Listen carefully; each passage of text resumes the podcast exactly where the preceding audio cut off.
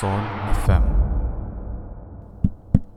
Taip, sveiki, sveiki, labas vakaras, mėlyjei Solofem klausytojai, vėl sugrįžtų į eterį, atleiskit, čia šiek tiek gal per ilgai tylu buvo, čia ne, nepykit, tikriausiai turėjom keletą techninių nesklandumų, turėjau šiek tiek pažaisti su radiju, kaip visada, žinot, tam, momentai, tam tikrais momentais prireikia tam tikrų priemonių, sakykime ir panašiai.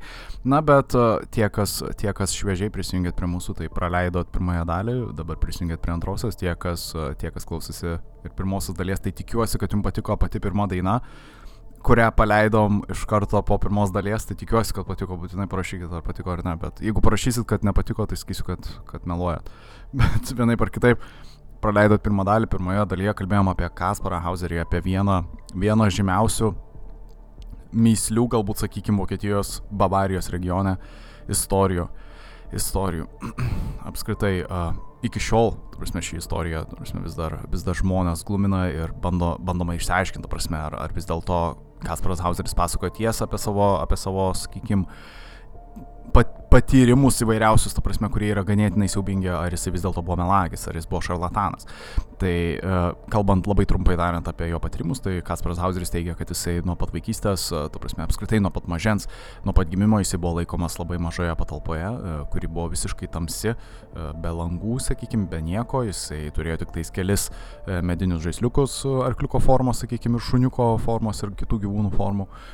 Jisai turėjo šiaudinę lovą ir realiai su juo niekas nešnekėjo, niekas nebendravo ir niekas nieko nemokė. Jis realiai gyveno tokioje e, patalpoje iki pat, kol jam sukako 16 metų. Tikėtina, kad jam buvo 16 metų, kai, kai jisai buvo aptiktas Nürnbergė ir tada jį aptiko, e, tu prasme, neaptiko, jį paleido iš tos e, patalpos nežinomas vyras, kuris, na, nei prisistatė, nei nieko jam nepasakė daugiau apie save, nei, nei nei parodė savo veido apskritai. Tai tiesiog tas vyras tik išmokino Kasparą daugiau mažiau rašyti, kalbėti kelis žodžius ir, ir na, paleido Kasparą į Nürnbergo gatves dar 1828 metais. Ir nuo to prasideda e, kaip ir Kasparo Hauserio istorija, kad realiai visi bando išsiaiškinti, kas jisai toks buvo vis tiek. Kažkokie šaltiniai turėtų būti, prasme, kažkokie registrai. Prasme, žmogus negali būti tiesiog tiesiog nežinomas visiškai, ar ne, bet apie Kasparą iš ties niekas nieko nežinojo, jokie giminaičiai neprisistatė, prasme, Kasparas buvo ganėtinai žinomas Bavarijos e, regione, prasme, jo istorija išgarsėjo, bet niekas, niekas neatsistojo, niekas nepranešė, kad, na, čia yra mūsų, tarkim, brolius, ar čia mūsų vaikas, ar kažkas panašaus. Todėl savaime suprantama, žmonės pradėjo įtarti įdomius dalykus, prasme, apie, apie Kasparą. Prasme, jie, jie pradėjo galvoti, kad Kasparas vis dėlto yra kilmingas žmogus, kad jisai galimai galėjo būti, uh, jisai galėjo būti vienu iš daugybės, sakykime, prestižinių šeimų e, Vokietijos galbūt narys koksai nors, arba gal koksai nors nesantokinis gal vaikas ar panašiai. Galbūt koks nors vaikas, kurį norėjo jie nuslėpti, e, kaip nors, kad jisai nebūtų palikuonis ar, ar e, koks nors įpėdinis ir panašiai. Tai savame suprantama, tais laikais būdavo daugybė samokslo teorijų susijusių su būtent tais aristokratais, sakykime. Tai nežinau, ar esat girdėję ar ne, bet čia yra viena iš, na, viena iš tų, kaip čia pasakius, namų, namų norėjau sakyti, prasme, iš tų didžiųjų giminių Vokietijoje, kurie iki šiol gyvena, e, tai yra Badenų giminė tokia, e, tai jinai yra ganėtinai žymi ir jinai iki šiol yra egzistuojanti, ta prasme, iki šiol verslininkai, ta prasme, gyvena, ta prasme, tos giminės ir tuo metu, dar XIX amžiaus pradžioje, žmonės įtarė, kad galbūt Kasparas Hauseris buvo būtent šios giminės vienas iš šaknų, galima sakyti, prasme, kad jis gali, išsišakojimų, kad jisai galimai galėjo būti vienas iš įpėdinių. E, tai čia iš esmės būtų, na, jisai būtų turėjęs būti išties garbingas žmogus, žinot, bet e, kadangi jisai valkatavo realiai, tu prasme, gatvėse Nürnbergo, visi prezimavo nuo pat pradžių, kad jis paprasčiausiai, kad jis paprasčiausiai yra visų pirma apsimetėlis, o vėliau pradėjo galvoti, kad galbūt jisai nėra apsimetėlis, o tiesiog galbūt yra žmogus, kuris, na, buvo ganėtinai nuskriaustas gyvenimo ir ganėtinai buvo paliktas likimo valiai, nors jisai realiai yra na, karališkų, galbūt, sakykime, net ne karališkų, aristokratiškų, sakykime, aristokratiško mėlynojo kraujo, galbūt ar taip čia pasakius. Bet kuo toliau sužinosim, tuo labiau pradėsim abejoti šią versiją, bet uh, tą aš jums galiu pažadėti.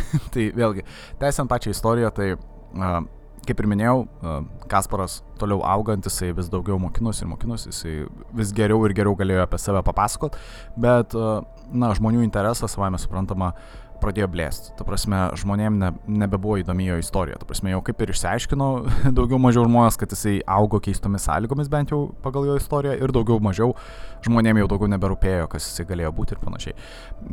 Kasparą buvo įsivaikinę keli skirtingi žmonės, ta prasme, na, vienas po kito keitaliojosi jo įtėviai, galima sakyti. Ir jie ganėtinai dažnai keitaliojosi, nes e, bent jau kaip jie nurodydavo, jiem kas nepatiko, tai būtent Kasparo na, charakteris, jisai dažnai ginčydavosi, jisai dažnai meluodavo, e, ką pastebėdavo bent jau praktiškai visi jo įtėviai tą pastebėjo, kad e, Kasparas dažnai meluodavo, kad dėl menkiausių dalykų jisai vos ne kaip patologiškas melagis buvo, jisai net dėl mažiausių dalykų, dėl, tarkim, obolio, sakykime, suvalgytojo, jisai, jisai pameluodavo, net ir atrodo, dėl tokių dalykų, nuo, nuo kurių jokios, na, bausmės negrėsė, bet jisai vis tiek meluodavo. Tai žmonėm tiem įtėmėm jisai iš ties nusibosdavo iki tokio lygio ir jį tiesiog perdodavo kitiems žmonėm, kurie, kitiems savanoriam, kurie norėdavo jį įsivaikinti. Uh, taigi, čia, čia realiai tokia yra esmė ir, ir vienu momentu Kasparas pastebėjo, kad vėlgi žmonių interesas jį jau kaip ir, kaip ir sumažėjo ir uh, vienu momentu Kasparą aptinka su kraujuojančiu veidu. E, ta prasme, jo, jo, e, jo, jo įtėviai. Staiga. Tai čia tokia keista istorija. Ta prasme, pirmasis pasikesinimas, gal taip sakykime. Tai ka, ka, Kasparas yra aptinkamas, ta prasme, su kraujuojančiu veidu. Jisai, jisai ką pasako, tai tiesiog, kad iš esmės jisai sėdėjo netoliese lauko toleto. Uh, ir jam besėdint tam lauko tolete, vėlgi ganėtinai vieša erdvė, uh, jį užpuolė kažkoks vyras, kuris vėlgi buvo užsidėjęs kaukę, jisai buvo su durklu, Ir jisai, na, tas vyras nespėjo nieko padaryti, jisai tik su tuo durklu įpjovė, įpjovė į veido sritį, tiksliau į kaktą Kasparui ir, na, ir pabėgo, nes, nes išgirdo tikėtina, kad kiti žmonės artinosi ir panašiai. Iš to, ką vyras sakė, nes vėlgi Kasparas spėjo netgi pasišnekėti su to vyru, tai tas vyras pasakė, kad, kad Kasparas negali išeiti iš Nürnbergo, ta prasme išvykti iš Nürnbergo negali, uh, o jeigu jisai išvyks, tai kad jisai mirs. Kad iš esmės, na, labai paprastai nutarė, kad jeigu Kasparas planuoja iškeliauti iš, iš Nürnbergo, tai kad jisai mirs ir, ir jam, jam spėjo užmoti su to durklu ir pjauti į, į, į kaktą. Prasme, ir vėlgi tas portretas mūsų socialiniai medijoje, sakykime, Facebook'e ir Instagram'e, ką jūs galite pamatyti, tai kairėje pusėje yra Kasparo Hauserio tas toks portretas nupieštas. Ir ant jo kaktos matosi tas žymusis randas, tas toksai, na, e, minuso formos toksai kaip ir randas žymusis.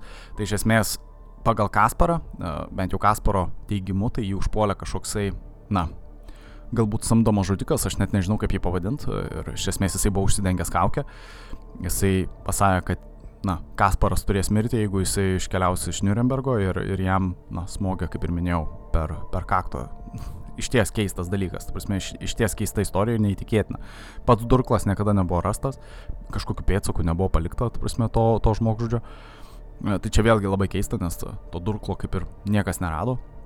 Net nežino, su kokiu, su kokiu įrankiu galėjo būti padaryta, ta prasme, tokia žala ir kodėl būtent tik kaktos rytis šiek tiek įpjauta ir, ir panašiai. E, žinoma, čia, čia sukėlė daug, nemažai klausimų, nemažai kritikos ir nemažai, nemažai uh, samokslo teorijų ir apskritai nemažai skepticizmo uh, po šitos istorijos, ta prasme, atsirado tarp, tarp žmonių, ypač tų, kurie palaikė, palaikė uh, Kasparą.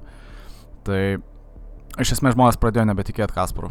Daugybė žmonių pradėjo nebetikėti. Pradėjo galvoti, kad jisai pats save susižaloja tam, kad atgautų tą populiarumą, kad žmonės pradėtų vėl kreipti dėmesį į jo tą istoriją, tą keistą istoriją. E, vėlgi Kasparas prie to paties ir priminė, kad tas žmogus, jį užpu, kuris jį užpuolė, buvo tas pats žmogus, kuris e, jį paleido Nürnbergė. Tai čia tas pats žmogus, kuris, e, kaip ir minėjau, na, stengiasi nerodyti savo veido, jį išmokino daugiau mažiau rašyti keistų būdų, išmokino rašyti ištart tuos pirmosius kelius žodžius, savo vardą, pavardę ir panašiai.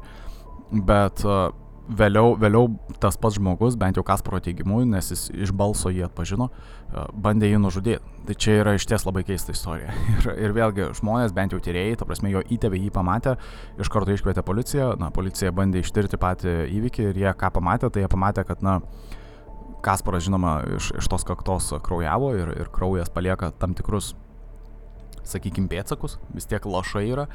Ir e, policija pastebėjo keistą dalyką, tai kad na, nuo to lauko toleto pėtsakai veda Kasparo atgal į namus.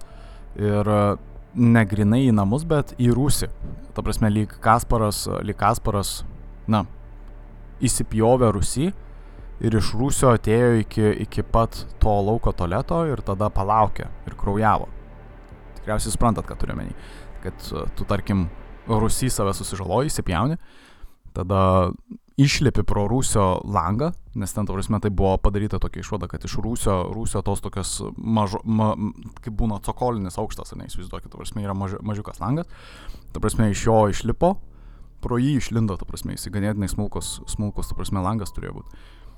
Ir, ir nuėjo iki pat to lauko tualeto. Tai, tu prasme, šiauriai keista ir, tu prasme, labiausiai ir tikėtina, mano nuomonė, kad, kad tikriausiai Kasparas pats save taip susižalojo. Tai vėlgi, įtėviai pastebėję tą iš karto pradėjo įtart, kad Kasparas vėl meluoja, nes, kaip ir minėjau, jis jau buvo pagarsėjęs kaip dažnas melagis ir jį vėl perdavė kitiem, e, kitiem įtėviam. Vėlgi buvo nepaslaptis, kad Kasparas labai mėgo keliauti, jisai labai ir norėjo keliauti, jisai norėjo iškeliauti iš Nürnbergo, iš Nürnbergo apskritai uh, ribų e, ir, aps, ir, ir vėlgi kai kurie, kai kurie iš, kai kurie iš įtėvių, tu prasme, net, net ir dėjo pastangas ir investicijas, gal sakykime, net ir investavo savotiškai į Kasparą, jie uh, keliavo dažnai po, po uh, įvairiausius, tu prasme, miestus Vokietijos, uh, keliaudavo tam, kad pabandytų, na, Kasparui galbūt priminti jo istoriją, kad Kasparas galbūt prisimins, kad, uh, kad galbūt jisai buvo išties tos karališkosios uh, Bodenų šeimos, uh, šeimos galbūt atstovas ir vienas iš jų, kad galbūt jisai kažką atsimins ir panašiai, bet Kasparas nieko neatsiminė, jis, ta prasme, uh, na, vėlgi jo istorija, jo istorija, kaip ir minėjau, yra ta, kad jisai visą gyvenimą leido mažam kambariukė, tai tikėtina, kad jisai nieko ir neprisimins jokių kelionių po kitus miestus. Tai e, tie žmonės, kurie tie, tie įtėviai, sakykime, kurie dėjo tokias didelės pastangas ir investicijas, to prasme, kad e, na, Kasparas pakeliautų, realiai jam tik suteikia malonumą, kelionių malonumą galbūt,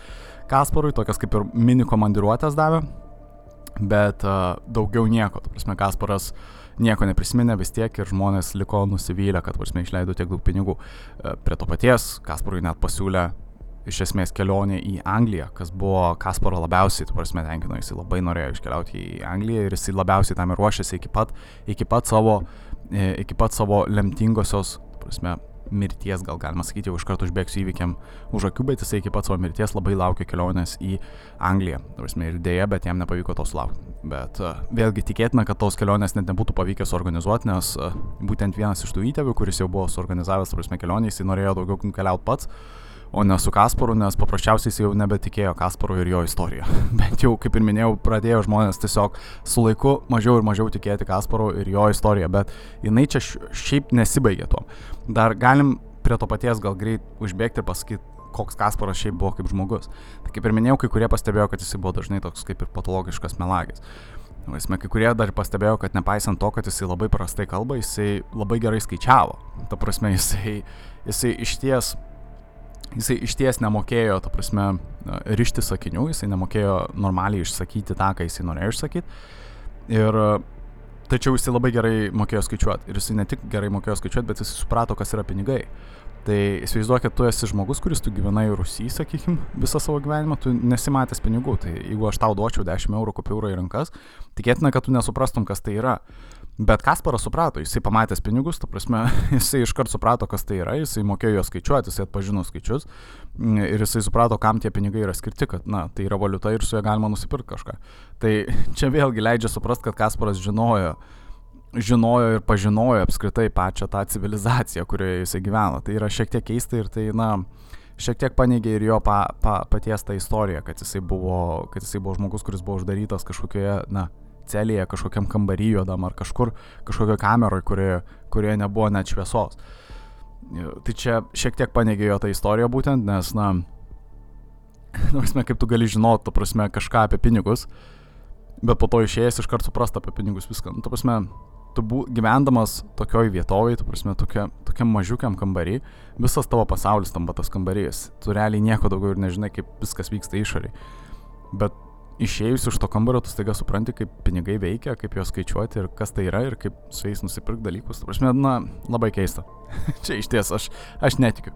aš tiesiog netikiu, leiskit čia tiesiog užbėgau vėl, bet uh, tiesiog netikiu ir tiek. Uh, tai ir vėlgi, kai kurie žmonės irgi netikėjo jo, nes uh, priminsiu, ne tik dėl pinigų čia buvo ta problema, bet ir dėl to, kad jisai mokėjo melstis. Kaip pavyzdys, jisai kuo puikiausiai mokėjo, prasme, poteriaut, uh, kas yra keista, nes, sakau, Kasparas bent jau minėjo, kad jisai keli žodžiai, kur, kuriais jisai apsimainė su, su tuo pagrobėju, kuris jį paleido, uh, kuris jį paleido, tu prasme, Nürnbergė dar pačioj pradžioj. jisai tik tais išmokino jį vos kelius žodžius, ta prasme, pasakyti, tarkim, arklys, jo vardas pavardė ir panašiai. O kad mokėt poteriauti ir panašiai, na, ne, nemokėjo tokių dalykų. Prasme, nemokino, bet Kasparas jau mokėjo tos dalykus iš pat pradžių. Tai čia daug, daug skepticizmo, sakau. Ir, ir lygiai taip pat buvo ir su ta žaizda.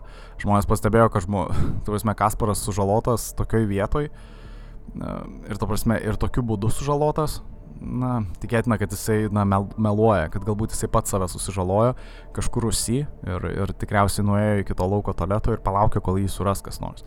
Ir vėliau sukūrė tą visą istoriją apie kažkokį žmogžudį, kuris e, kesinusi jo gyvybę. Bet vėlgi ta istorija kaip ir minėjau, vėlgi patraukė visą dėmesį į jį. Žmonės pradėjo toliau įtarti, kad galbūt jį kėsinasi būtent dėl to, kad jisai tikėtina, kad ir yra vienas iš tų, na, palikonių, galbūt tos Bodenų šeimos ir panašiai. Ir, na, ta istorija kol kas dar gyvavo, bet vėlgi su laiku pradėjo vėl blėsti viskas ir panašiai. Ir, ir vėlgi Kasparas labai norėjo kelionių, jisai labai norėjo keliauti į Angliją, bet pamatęs, kad jam tikriausiai nepasiseks iškeliauti tikriausiai į Angliją, jisai na, staiga kažkas atsitiko, to prasme, Kasparui, tai mes kalbam apie 1833 metų gruodžio 14 dieną. Tai mes iki tiek šaltiniai mums leidžia nustatyti tiksliai pačią istoriją, kas atsitiko ir, ir kada tai atsitiko. E, tai tik priminsiu, bet 1833, tai čia reiškia, kad jam buvo apie 21 metai, jeigu mes neklystam, nes jisai prisistatė Nürnberge e, 1828, jam buvo 16 metų bent jau pagal jo laišką. O 33-ieji, na, savame suprantama, 5 metai po, tai jam buvo 21. Vėlgi, jau kaip ir jaunas vyras, galima sakyti. Na, istorija, jo istorija jau tapo kaip ir žinoma, bet ir jau išsiblėsus. Ir, ir na, staiga būtent tą 14 dieną, 14 gruodžio dieną, 33-ųjų 1800, Kasparas grįžta su durtinė žaizda. Staiga. Ir, ir tu prasme, žinoma, jo tuometinis, ta prasme, įtėvis nustemba, jis išsigasta, iškviečia policiją, kad būtų viskas išsiaiškinta. E, vėlgi ta durtinė žaizda padaryta į, į išties gyvybiškai svarbią vietą, tai į kairę krūtinės pusę. Tai, kaip žinia, netoli širdies, čia tikriausiai žinot, kad čia jau nėra geras dalykas. Tai kaip ir minėjau, Kasparas grįžta, jisai turi ne šiaip durtinę, bet labai gilę dar durtinę žaizdą, tai teka kraujas greitai ir, ir stipriai, sakykime, ir, ir pavojingai žmonės iš karto bando jam suteikti visą įmanomą pagalbą, jisai dar kol kas gyvuoja, sakykime, jisai ištarė vos kelis žodžius, paskutiniuosius Kasparo žodžius, tai ta prasme čia yra išties keista, bet jo mirties žodžiai yra labai paprasti, ta prasme vos keli. Tai uh, sodas, vyras, uh, rankinė ir padurtas. Viskas. Čia buvo jo paskutiniai keturi, uh, keturi žodžiai, galima sakyti. Ir, ir Kasparo gyvybė užblėso. Uh, ta prasme, jisai jisai mirė vos po kelių dienų. Realiai ir, ir žmonės bandė išsiaiškinti, kas atsitiko vis dėlto ir panašiai. Ir, ir pasak Kasparo dar iki tų keturių žodžių jam pasakant, e, Kasparo užpuolė vėlgi e, nežinomas kažkoks asmo, užsidengęs, užsidengęs e, sakykime, kaukė ir panašiai, niekas nežino, niekas nežino, ar tai buvo tas pats žmogus, kuris jį paleido dar Nürnbergė dar iš pat pradžių, ar ne. E, bet tas žmogus jį padūrė ir jisai uh, jį padūrė, na, prisiviliojęs prieš tai e, patį Kasparą, ta prasme, nu, ateiti iki šalia esančių sodų. Tai net nežinau, kaip čia pabandyti viską sudėlioti, bet kaip ir minėjau, Kasparas gyveno ganėtinai prabangiai, nes jį įvaikino skirtingi žmonės, bet dažniausiai jį įvaikindavo įvairūs bajorai, grafai, na, su, savaime suprantat, įvairūs baronai, sakykime, na, aukštuomenį įvaikindavo. Tai kadangi jis toks buvo labiau elitas, jisai gyvendavo dideliuose namuose, rūmose ir panašiai, jisai apskritai jo darbas toks buvo, jisai nedirbo kopijuotojų, to prasme, jisai ne, tas kopijuotojas tai čia perrašydavo knygas. Tai čia vėlgi ganėtinai neblogas darbas tuo metu. Turime kaip žmogui, kuris visiškai nieko nemokėjo ir nieko nežinojo, gal tokį darbą čia nebuvo, nebuvo blogas darbas. Tai kaip ir minėjau, jis gyveno ganėtinai prestižinėse sąlygose, prestižin, privilegijuotai, gal sakykime. gal taip sakykime, jis ganėtinai privilegijuotai gyvena. Ir vieną dieną tiesiog paprasčiausiai kažkoks vyras sugebėjo kažkokiu būdu prisvilioti vėlgi nueiti šalimais esančius sodus, ta prasme, tame sklype. Jisai nueina į tos sodus ir, ir vyras jam bando pateikti kažką, na, jam norėjo pateikti kažkokią, na, kaip piniginę ar, ar rankinę ar kažką panašaus į tai. Ir Kasparui prieš paėmant tą jį padūrė. Ir jį padūrė ir pabėgo. Ir, na, su vami suprantu, Kasparas grįžo tada namo, jisai spėjo ištartos paskutiniuosius žodžius ir jisai, na, griuvo ir, ir mirė. Tada, aišku, tyrėjai nubėgo į tą patį, į tą patį sodą, susirado susirado įkalčius, vis dėlto Kasparas nemelavo šį kartą, nuostaba, jis nemelavo, vis dėlto yra, vis dėlto yra toji rankinė. Uh, policininkai, ta prasme, radė tą rankinę, ta prasme, rado ir, ir sulankstytą laišką. Ir tas laiškas iki šiol egzistuoja, ta prasme, iš ties galite pamatyti, ta prasme, jisai yra muziejose, ta prasme, teigiamas. Tai man atrodo, jau originalaus laiško kaip ir nėra, jisai išblėsęs, bet ten padarytos tokios kaip kopijos, galima sakyti ar, ar, ar, ske, ar nuskenuotos kopijos ar kažkas panašaus, nes man atrodo jau pats šiaip, šiaip pačios, na, pats laiško, pats rašalas, ta prasme, ir panašiai ant to laiško jau kaip ir išblėsęs, man atrodo jau išblūkęs visai. Na, bet nesmė. Tai esmė tokia, kad uh, išlankščius tą laišką jame buvo parašyta, kad, kad Kasparas jums pasakys, kas aš esu ir, ir paprasčiausiai trys raidės, trys tikriausiai akronimai, nežinau, galbūt vardas ir kad jeigu Kasparas nepasakys, tai mano vardas yra MLO. Tai kas tas MLO, aš nežinau, niekas nežino, niekas iki šiol ir nežino ir Kasparas irgi nespėjo to pasakyti. Ir kaip ir viskas čia Kasparo istorija tom ir baigėsi, kad vis dėlto jį kažkas padūrė. Jį kažkas padūrė ir, ir na, jisai mirė. Ir, ir savame suprantama, tu prasme, tas laiškas buvo irgi labai ganėtinai, ganėtinai keistas, jisai buvo net ir keistai parašytas, jisai buvo parašytas viduriniu principu. Nežinau, ar esat matę tai ar ne, bet, na, vidurinis principas, tai įsivaizduokit, kad jūs pasistatot priešai save, na, veidrodį ir jūs rašot, rašot laišką kam nors savo ar kam nors kitam, grinai, grinai taip, kad žiūrėdami na, kad galėtumėte jį perskaityti tik tai žiūrėdami į veidrodį. Tai taip dažnai rašydavo ir mėgdavo rašyti, na, kaip pavyzdys Leonardas da Vinčius, ar ne? Tai buvo pastebėta, kad realiai ir Kasparas Hauseris pats irgi mėgdavo taip, taip rašyti, jisai mėgdavo rašyti per veidrodį. Apskritai Kasparas buvo labai meniškas, jisai mėgdavo piešti. Ir jisai labai gražiai pieždavo. Tai tą irgi pastebėjo dažnai jo, jo įtėviai, kad jisai, nors ir jisai buvo toksai neklaužada, jisai buvo ganėtinai melagis, e, toksai savotiškai galbūt perdavė tokias, at, atrodė taip, taip atrodė žmonėms, prasme, kaip melagis, bet jisai kartu ir turėjo nemažai talento. Tai gerai skaičiuodavo pinigus, kaip ir minėjau, bet ir kartu ir labai gražiai pieždavo ir mėgdavo menus. Bet uh, tarptų menų jis ir ganėtinai gražiai mokėdavo rašyti ir mėgdavo, mėgdavo tuos, tuos tokius dalykus kaip vidurodinis šriftas. Ir jisai lygiai taip pat neįprastai lankstydavo laiškus, kaip ir pats tas laiškas buvo slankstytas. Ir tame pačiame laiške buvo tokias pat klaidas, kokias dažniausiai pats Kasparas darydavo rašydamas. Na, prasme, gramatinės, sintaksės klaidos ir panašiai, skirybos, žinot, savaime suprantama. Ir tai realiai rymina pačią myslę, kas atsitiko tikėtina, kad Kasparas tikriausiai surašė tą laišką ir jisai save, na, galiausiai išsiaiškinęs, kad jam tikriausiai nepavyks nukeliauti į Angliją, jisai iš to įniršio pabandė atkreipti visų žmonių ir visuomenės dėmesį dar kartą į Kasparo Hauserio, tursime tą mistinę istoriją ir jisai pabandė šį kartą save sužalot žymiai labiau nei prieš tai. Čia vėlgi aš, aš tik tai savo samokslo teoriją bandau išdėstyti, kaip tikriausiai buvo, bet čia yra oficiali teorija, kad jam tikėtina, kad taip ir atsitiko, kad jisai pats pasiemė peilį, įsidūrė savo ir įsidūrė savo per giliai, ne, ne, nepamastęs, kad galbūt jisai save mirtinai sužalos. Ir kadangi jis tai padarė savo netyčia, nu, ta prasme, netyčia per giliai sausmogę peiliu, jisai realiai nusižudė. Prasme, ir, ir, na, Gal problema yra tame, kad pačio peilio, pačio durklo niekas nerado. Tai nežinau, kur Kasparas, jeigu jis į save padūrė, kur jis galėjo, na, paslėpti peilį. Prasme, jis jį užkasė galbūt kažkur, išmetė, nežinau, nežinau. Nes pačio peilio aš bent jau nerandu jokių šaltinių, kad buvo rastas kažkur ar buvo išmestas ar panašiai. Tai kur tas peilis, nežinau. Bet iš esmės oficiali teorija, kas sako, tai kad Kasparas pats save padūrė. Uh, Ir e, iš esmės, kad Kasparas buvo šarlatanas, kad jisai melavo siekdamas paprasčiausios naudos, kad jisai, na, tikėtina, kad jo istorija buvo labai paprasta, tai kad e, vėlgi XIX amžiaus Vokietijoje, XIX amžiaus pradžioje, vėlgi industrializacijos pradžia, sakykime, prasidėjus per Angliją dar XVIII amžiaus pabaigoje, na, tai vėlgi tuo periodu buvo daugybė benamių, sakykime, daugybė žmonių tiek ir prarado darbus, tiek ir sunkiai juos gaudavo, ta prasme, apskritai, lygų sezoną ir panašiai. E, tai iš esmės Kasparui buvo belikęs vienas iš variantų, tai apgauti žmonės ir, ir tikėtina, kad, na bent jau taip oficialiai yra dėstoma, tai kad Kasparas apgavo žmonės, ta prasme sukūręs tą tokią istoriją, tą tokią gailę istoriją pamestinuko, istoriją, kuri dar sukėlė klausimų, kad galbūt jisai buvo iš karališkosios šeimos. Ir taip, realiai jisai, jisai siekdamas atkreipti dėmesį į save, kurį jisai mėgdavo labai, jisai mėgdavo tą dėmesį, kaip ir visi mūsų, mūsų influenceriai mėgsta.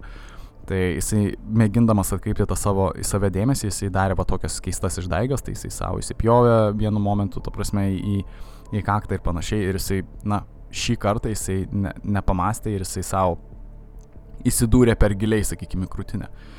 Ir, ir netyčia nusižudė. Bet samokslo teorija savo, kad jisai vis dėlto buvo, o gal ir, na, kaip ir buvo, sakykime, ne, nepasakyčiau, kad yra, nes jo jau daugiau nebėra, bet e, kad pati samokslo teorija savo, kad, na, jisai tikėtina, kad buvo uh, tos karališkosios šeimos, tos Bodeno šeimos, sakykime, atstovas. Uh, kaip tą galima įrodyti, na labai paprastai, DNR tyrimai, ar ne? Mes turim Bodeno šeimą, kaip ir minėjau, jinai vis dar egzistuoja, tai daugybė giminių, prasme, išsišakojimų, daugybė žmonių, iš kurių galima paimti mėginį. Ir taip, žinoma, buvo paimti mėginiai, tu prasme, buvo padaryti, buvo ekshumuotas ne kartą pats, pats Kasparas Hauseris, tu prasme, nes jisai vėlgi jau seniai palaidotas. Ir nors ir buvo padaryti tyrimai, bet po jų buvo padaryta išvada, kad, na, ir taip ir ne, kaip čia pasakius, kad, kad jie ne visai giminingi. Mes kartu ir giminingi, bet ir negiminingi. Kažkas panašaus į tai, kad, kaip čia pasakius, kad turi nemažai, na, aš pats vėlgi nesu tyrėjas, bet kaip čia pasakius, tai kad, to prasme, tie DNR tyrimai, jie gali pasakyti, kad sumažint, susiaurint tą, tą dalį žmonių, kiek, kiek gali atitikti. To prasme, na, suprantat, mes visi vienas kitam esam savotiškai giminingi. Na, čia žinau, labai keistai skamba galbūt, bet daugiau mažiau DNR tyrimai, ta prasme, ką jie bando padaryti, tai ta prasme, susiaurint žmonių, žmonių galbūt potencialių žmonių, potencialių giminių, sakykim, tą ratą. Čia aš bent jau taip suprantu tą dalyką. Ir, ir iš esmės, na, ką, ką Kasparo, to prasme, DNR ir tos dabartinės Bodenų šeimos DNR parodė, tai kad iš esmės jisai nors ir nėra giminingas, bet ir jis nėra negiminingas, kad jis galbūt gali būti giminingas, bet nežinau, tai nebuvo pakankamai išsamus, to prasme, tada DNR tyrimai. Bet jie, jie tokie prieštaringai labai nuskambėjo. Tai čia, žinoma, sensacija, vėlgi visi masto, kas čia galėjo būti ir panašiai, bet matot, jie galėjo paimti ir mano mėginį ir galbūt pasakytų, kad ir aš galbūt esu Bodenų šeimos, galbūt atstovas, bet aš žinau, kad aš nesu. Aš žinau, nes paprasčiausiai tie DNR tyrimai, aš sakau, paėmus iš paprastų, visiškai, visiškai negiminingų žmonių, tu prasme, tos tyrimus, tu vis tiek rastum, kad yra galbūt kažkada buvo koks nors vienas mūsų tolimas giminaitis kažkada, kad, na, išsišakojam mes kažkurio momentu. Tikriausiai suprantat, ką turiu menį. Kad realiai mes visi esam giminingi, kad, ta prasme, du, durk pirštų į bet kurį žmogų ir tikėtina, kad jūs turėjot bendrą giminaitį. Ypač jeigu jūs gyvenate toj pačioj šalyje, tai kaip pavyzdys, jeigu aš ir tu gyvenam Lietuvoje, ar ne? Tai ta prasme, mes esam giminingi žmogau. Ta prasme, čia tiesiog klausimas yra, iki kiek toli mes turim nueiti atgal į istoriją. Prasme, taip, gal mūsų tėvai nėra tie patys, gal mūsų proseneliai nėra tie patys, bet gal mūsų, nežinau, 16 lygio proseneliai gal jau bus tie patys. Gal, žinoma, vienai par kitaip, jeigu mes gyvenam toj pačioj šalyje, tai šansas, kad mes esam giminingi yra žymiai, žymiai didesnis. Tai vėlgi Bodenų šeima, viena iš žymiausių, prasme, Vokietijos tų aristokratų šeima. Tai tikėtina, kad žinoma, jie buvo giminingi, giminingi su, su Kasparu Hauseriu, bet ir lygiai taip pat jie buvo giminingi su absoliučiai bet kuriuo kitu vokiečiu. Mes gyvenančiu Vokietijoje, tu prasme, tuo metu. Tai čia tiesiog šiaip tokie pamastymai, tu prasme, ir pasvarstymai. Nes, na, tiesiog taip yra daroma. tiesiog taip yra daromi tie tokie tyrimai. Jie susiaurina tą ratą, bet ne visiškai. Tai taip, realiai čia yra tokia istorija Kasparo Hauserio. Labai keista, labai neiški, bet kiekvienas turi savų, savų idėjų, kaip galėjo, na, kas galėjo iš tikrųjų būti pats Kasparas Hauseris. Niekas net nežino, ar tai buvo tikrasis jo vardas ir pavardė. Niekas net nežino, ar jo amžius buvo tikrasis, tas kaip ir teigiamas. Nes čia kaip ir minėjau, tas jo amžius, ta jo gimimo data buvo nustatyta tik tais jo pačio parašytame laiške. Tai mes nežinom, ar jam iš ties buvo 21 metai, gal buvo daugiau, gal buvo net mažiau. Nežinom. Kaip manot jūs galų gale? Ar manot, kad jis sakė tiesą? Ar jūs tikit Kasparu Hauseriu, jūs tikit jo istoriją, kad jis vis dėlto buvo laukinis vaikas, kuris buvo užaugintas iki beveik 16 metų, visiškai tamsoj ir visiškai be jokio socialinio kontakto, ta prasme, ir, ir galų galiai jis vėliau buvo išaugintas į dar normalų pilietį, kuris dar dirbo ganėtinai garbingą darbą. Ir, ir, ir vis dėlto, na, jo gyvenimas pasibaigė liūdnai. Ar jūs tikit jo istoriją, ar jūs vis dėlto tikit tuo ta oficialia versija, kaip sako žmonės, na, ir, ir, ir kaip sako patys skeptikai, tai kad jisai buvo šarlatanas, kad jis paprasčiausiai buvo ganėtinai protingas šarlatanas, kuris, kuris buvo kartu ir patologiškas melagis, kuris dažnai mėgdavo meluoti. Gal jūs tikite šią istoriją? Nežinau, papasakokit, parašykit, bus įdomu išgirsti. Vienaip ar kitaip matau, kad aš jūs labai ilgai užėmiau šiandien.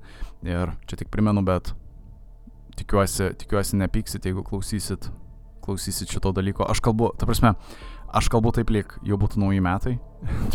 ne, tiksliau, kalbu, kad jau tuoj nauji metai ir panašiai, bet šitas dalykas bus šiaip dar kartojamas per jau po naujų metų, tai jūs tikėtina, kad ir sausio pirmą galėsit na, kartojimą išgirsti, arba per Spotify, kada norit, galite išgirsti. Bet vienaip ar kitaip nepykit, vėlgi pirmenybė teikiama tiem, kurie tiesiogiai parašo arba paskambina, o tiesiogiai transliuojama tik tais penktadieniais. Na ir samokslo teorijos ir aišku lygiai taip pat šeštadieniais. Prie to paties tik priminsiu, bet rytoj kalbėsim irgi labai įdomią temą. Jau paskutinė tema šių metų, to prasme tema ir ši, paskutinė šių metų samokslo tema mes kalbėsim apie šešėlių žmonės.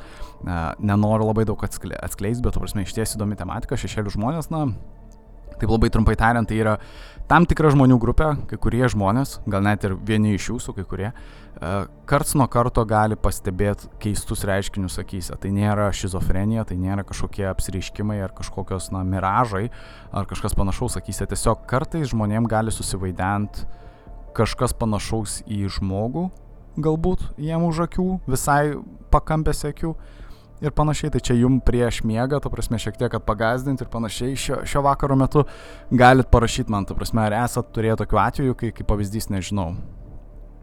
Galbūt prieš užsimerkiant, prieš užsimerkiant jūs lyg akies krašteliu pamatėt lyg žmogus kažkur stovi, ta prasme, lyg susivaideno jums.